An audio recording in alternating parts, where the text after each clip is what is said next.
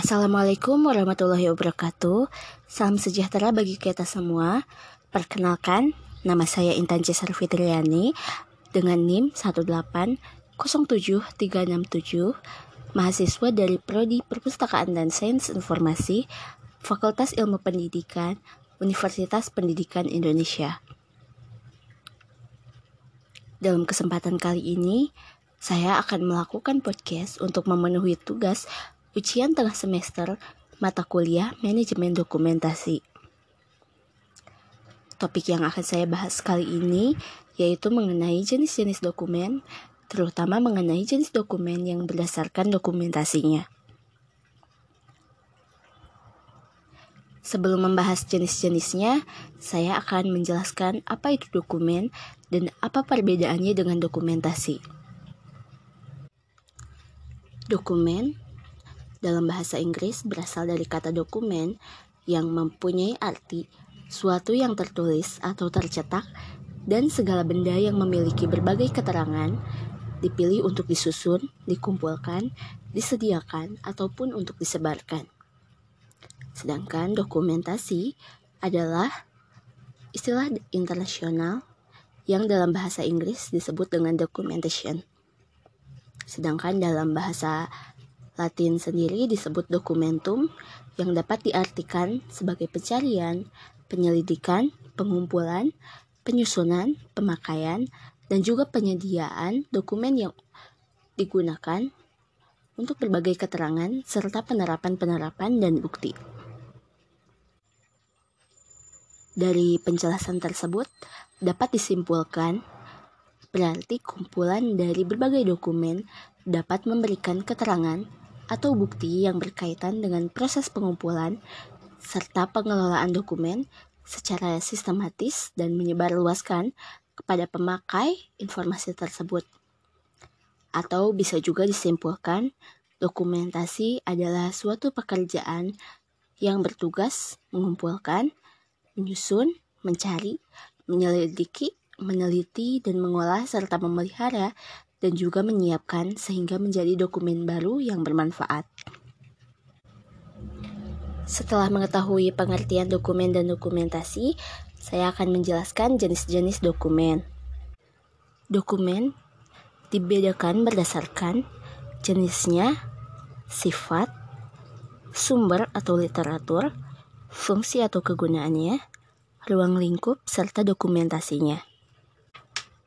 Namun yang kali ini akan saya bahas adalah jenis dokumen berdasarkan dokumentasinya. Dokumen berdasarkan dokumentasinya terbagi menjadi tiga bagian. Yang pertama yaitu dokumen primer, kedua dokumen sekunder, dan terakhir adalah dokumen tersier. Yang pertama ada dokumen primer. Dokumen primer adalah dokumen yang berisi informasi tentang hasil-hasil penelitian asli atau langsung dari sumbernya. Salah satu contohnya adalah paten, penelitian, laporan, disertasi, dan lain sebagainya. Yang selanjutnya adalah dokumen sekunder. Dokumen sekunder adalah dokumen yang berisi informasi tentang literatur primer. Pada umumnya, dokumen sekunder disebut dengan dokumen bibliografi. Beberapa definisi dari dokumen sekunder ini menyatakan bahwa dokumen sekunder mendeskripsikan, menginterpretasi, menganalisis, dan mengevaluasi sumber primer. Selain itu, dokumen sekunder memberi komentar, mengulas dan membahas bukti-bukti dari sumber primer, dan merupakan karya yang berjarak satu atau lebih langkah dari peristiwa atau informasi yang menjadi acuannya sebab ditulis sesudah kejadian dan sudah banyak hal terungkap dan bisa dipelajari. Beberapa contoh sumber sekunder ini di antaranya yaitu bibliografi, karya biografi, ulasan, kamus dan ensiklopedi, dan lain sebagainya. Selanjutnya ada dokumen tersier. Dokumen tersier adalah dokumen yang berisi informasi tentang literatur sekunder, misalnya buku, teks panduan literatur, ada pula almanak dan buku kumpulan fakta, direktori, buku panduan manual, buku pegangan, dan lain sebagainya. Dokumen tersier ini berisi informasi dari sumber sekunder yang telah dicerna, diformat ulang, serta diringkas agar lebih mudah dibaca dan sumber yang dibuat setelah sumber sekunder dipublikasikan. Sebuah sumber informasi lazimnya dikategorikan sebagai dokumen primer, sekunder, dan tersier. Itu tergantung dari originalitas dan kedekatannya pada sumber atau asal-usulnya.